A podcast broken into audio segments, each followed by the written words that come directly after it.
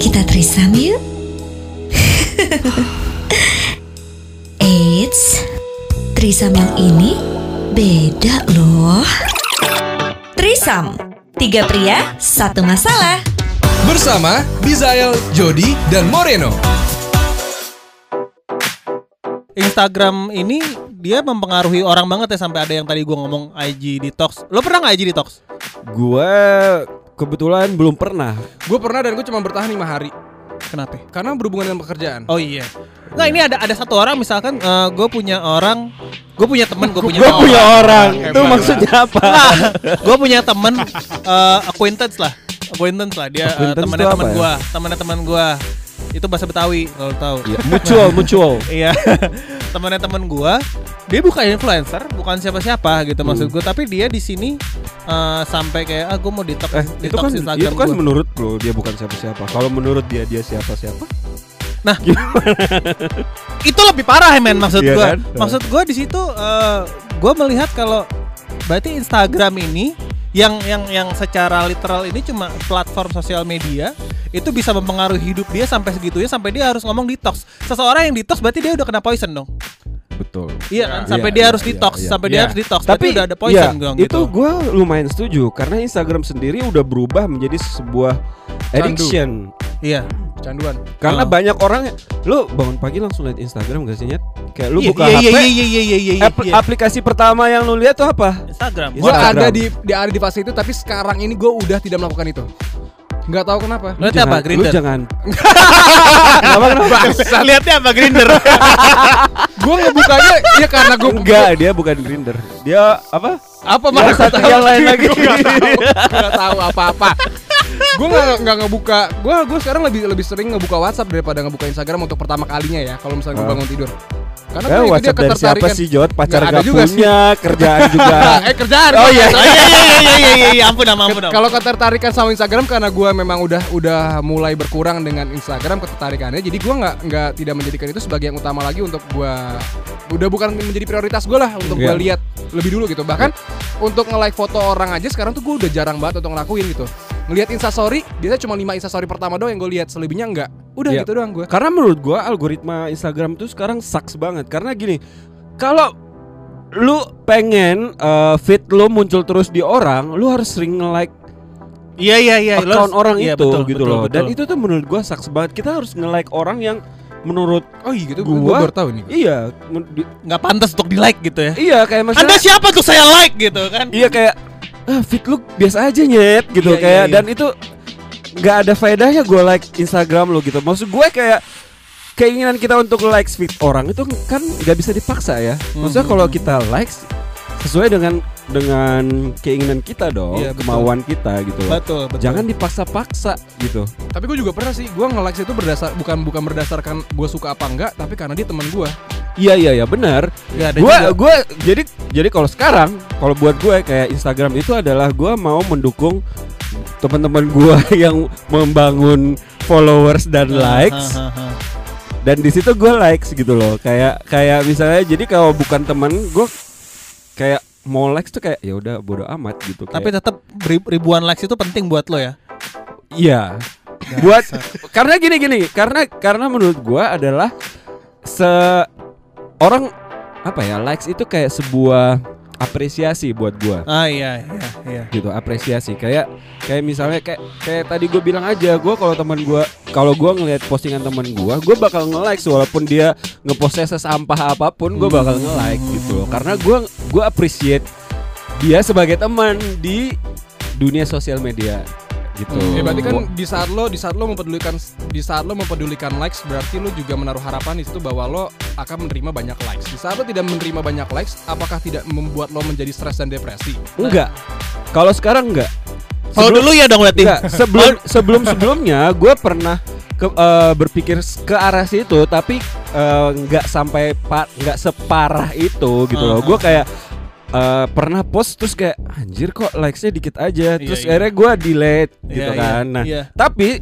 setelah itu gue udah nggak ke sini ke sininya gue udah bu- udah bodo amat lah ya udah kalau like sedikit ya udah bodo amat yang penting gue puas dengan foto yang gue Berarti, berarti udah gak penting dong likes menurut lo kalau kayak gitu.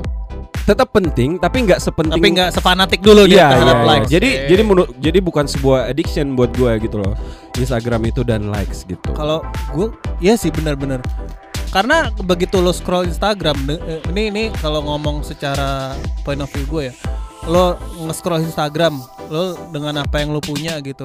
Tiba-tiba misalkan lo punya eh, di sini, gue ngomong dalam point of view material ya.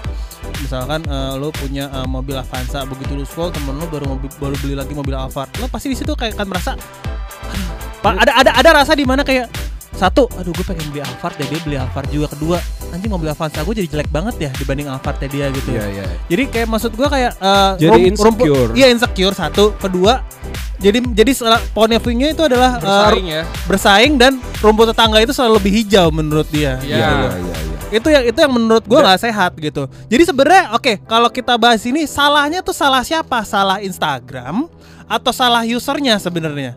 Salah usernya kalau gue bilang. Kalau sampai kalau kalau maksud gua kesa- salah usernya kalau sampai lo eh, berpikiran lo you got poisoned by by Instagram dan lo harus detox itu berarti salah siapa gitu loh. kalau dia berpikir untuk detox berarti dia sebenarnya udah punya pikiran yang bagus. Kenapa? Karena dia sadar kalau dia dia terpoison dan dia Kecanduan. Kecanduan dia Instagram. kecanduan dan dia Hmm. mengambil keputusan untuk detox. Hmm. Ya itu adalah sebuah keputusan yang bagus menurut gua karena dia sadar kalau ini udah jadi sebuah addiction nih buat gue gitu kan. Hmm. Kecuali kalau dia dia sadar kalau dia udah addict tapi dia tetap melakukan hal itu itu kan nggak bagus kan kayak Oke. kayak nggak bagus buat hidup lu juga gitu kan ya iya, lu iya, hidup iya, lu iya. bukan cuma di Instagram doang Ya itu Ah, kayak dia yang mau gue mau ngomongin. iya gitu loh dan dan yang perlu apa ya gue perlu ngomong juga kalau Instagram tuh kan orang pasti mau uh, showcase kehidupan dia yang bagus-bagus aja gitu kayak Karena ya nggak ada orang nggak ada orang nggak ada orang sedih di Instagram. benar Ibaratnya Iya, di, di, di media sosial deh nggak usah di Instagram. Iya, iya, iya. semua orang pasti membagikan kebahagiaan, semua Ah. orang pasti memamerkan apa yang dia punya, semua orang pasti memamerkan hal-hal baru yang dia miliki dan lain sebagainya. Iya. Ada juga Jod, ada juga yang mengumbar kayak yang Oh, mengumbar anak-anak emo gitu. Kayak lo kalau lihat emang eh, anak imo masih ada nyet eh lo jangan salah kayak lo tau Billie Eilish kan? Tahu Oh, tahu. iya. Billie Eilish. Dulu dia bisa kayak gini gara dia dia gue pernah baca eh gue pernah lihat uh, YouTube-nya dia. Eh, dia sekarang 2019 2018 deh karena gue nonton itu 2018 dibandingin sebelum dia terkenal itu 2015 kalau nggak salah terus dia punya dia ditanyain kalau lu bisa ngomong satu satu sentence terhadap eh, diri lu yang di ru- 2015 ini apa yang pengen lu ngomong dia bilang kayak gini eh, stop sharing your sad things on Instagram gitu Hmm. karena it's not good gitu.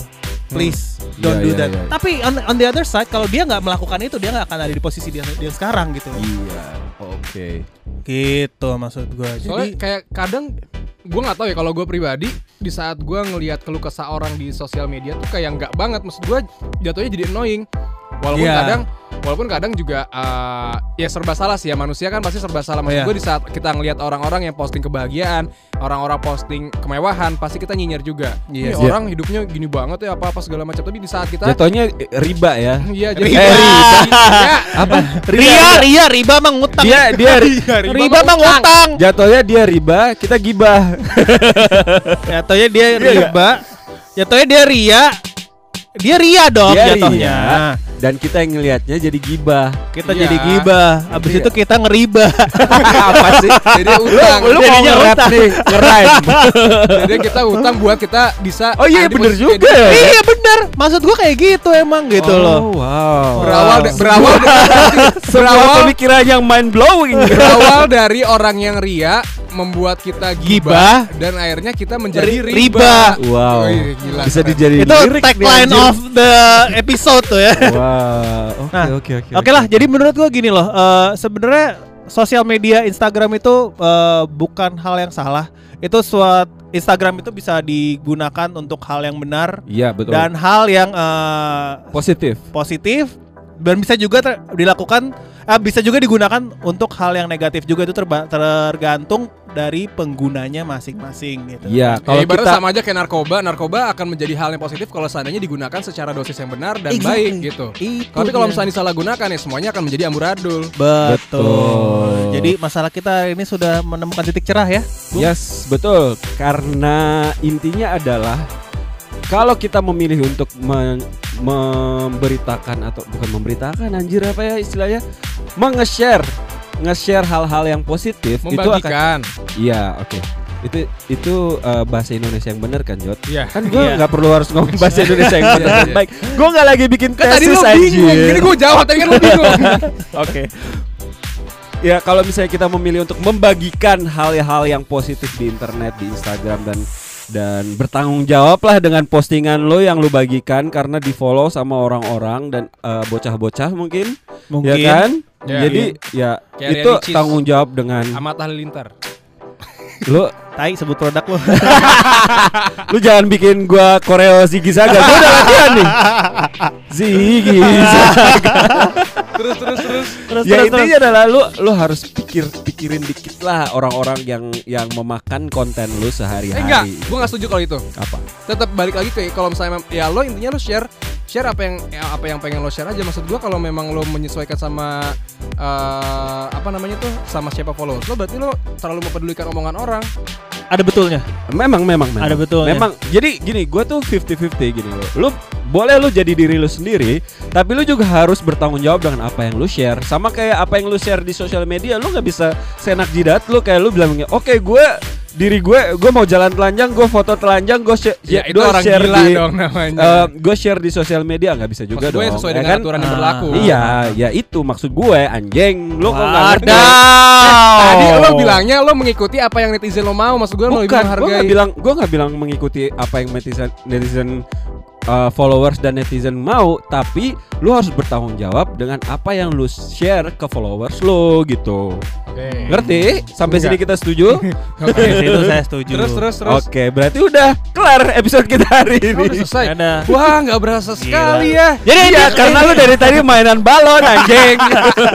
Jadi satu lagi intinya buat gua eh, Instagram is not a real life gitu buat. Yes. Jadi jadi eh, sebenarnya jumlah likes mau likes lu 10, 100 ribu, 1 juta pun your real life itu adalah yang lo jalani sehari-hari bukan di Instagram. Ya, dan Gitu. dan self worth lu nggak diukur dengan berapa banyak Instagram dan berapa banyak Jumlah followers. followersnya. Iya followers kan? dan jumlah likes juga ya. Iya, Kalau lu juga lu bukan- dibilang spesial sama seseorang ya berarti lu spesial. itu juga bukan Bukan bukan, karena- menjadi tolak ukur lo untuk bahagia maksud gua lo bukan berarti dengan lo followersnya banyak terus lo bahagia Wah, mungkin dalam diri sendiri ada akan ada kepuasan tapi udah Tapi Iya. tapi lu tetap di- lu gitu. dituntut oleh klien untuk setiap hari harus foto konten, foto endorse segala macam itu buat gua sebuah pressure juga ya nggak sih kalau jadi ya influencer. tapi ya kalau itu balik lagi ke ke- kerjaan Itu berarti kerjaan ya. Pak, itu making kerjaan. money Iya, Pak. iya, iya. I don't mind kalau itu. Kalau setiap hari lu harus mikirin konten baru pasti lu juga punya pressure tersendiri. Punya sih. Jadi menurut kan gua masing-masing tingkatan eh, influencer dan tingkatan followers itu pasti punya pressure masing-masing. ya Iya nggak? betul. Jadi kalau yang mau eh, klien-klien nih yang mau ngeliat Instagram Instagram gue @bizaltanasale followers Anjir, jadi jualan bangsa. followers gue 6000 gue belum beli followers ntar gue beli dulu deh habis itu biar emang Oke, cukup cukup cukup. emang dasar pelacur Cukup cukup cukup. Kita nggak kelar kelar, kita nggak closing closing episode Oke ini. oke oke. Ini mana nih gak mau nyala nih anjing? oke sambil Apanya? nunggu laptopnya nyala jangan lupa follow juga Jody Hendrarto ya Eh, kok pada pada jualan Instagram masing-masing. Pokoknya oh buat ya, ternyata di episode kita juga episode sebelumnya juga kita tetap kasih tahu Instagram kita ya. Iyalah, Tapi harus kan sekarang lah. kita udah punya Instagram Trisam, jadi nggak perlu jualan personal Oh, tetap Pak harus Pak. dong tetap Harus. dong Oke, kalau Sombong gitu gue kayak di Hermoreno dan Kristo. Baksat lu semua ya. Oke lah kalau begitu sudah sudah eh sudah sudah jadinya maksudnya sudah kita eh, akhiri perbincangan kita untuk permasalahan Instagram yang kabarnya akan menyembunyikan likes-nya supaya tidak bisa dilihat oleh orang-orang lain. Yes. Dan kalau seandainya lo punya ide, eh, saran, kritik untuk kita bisa langsung disampaikan di mana? Di at Trisam underscore podcast jangan lupa follow dan juga DM kalau kalian punya ide-ide apa pun. Udah gue bacain, udah gue sebutin iya, tadi udah, ya. udah, ya, Jadi udah. gue tegesin lagi, kalau jadi mau ngajak gue berantem, ini kita udah mau closing. Oke udah itu aja di episode kali ini So that's it for now Tetap And dengerin Trisam Tiga Tiga pria satu masalah Peace seru banget kan obrolan kita? Makanya tungguin episode selanjutnya di Trisam. Tiga pria satu masalah bersama Bizael, Jody, dan Moreno.